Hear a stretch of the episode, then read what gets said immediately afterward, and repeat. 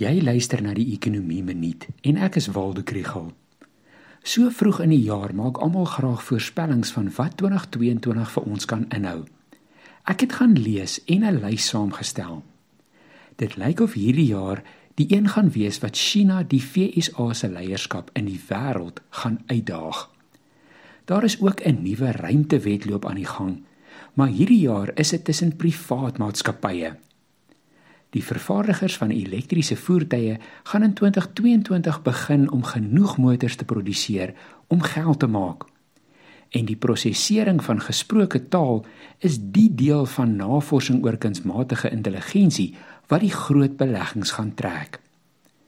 Na raming gaan 10% van ondernemings hulle werkers net van die huis af laat werk. 30% gaan almal laat terugkeer kantoor toe en die ander 60% gaan 'n hibriede model probeer volg. In hierdie groep gaan almal nie elke dag kantoor toe gaan nie en dan ook nie 8 tot 5 nie. Dit lyk asof meer Latyns-Amerikaanse lande dalk Bitcoin as 'n wettige betaalmiddel gaan aanvaar in 2022.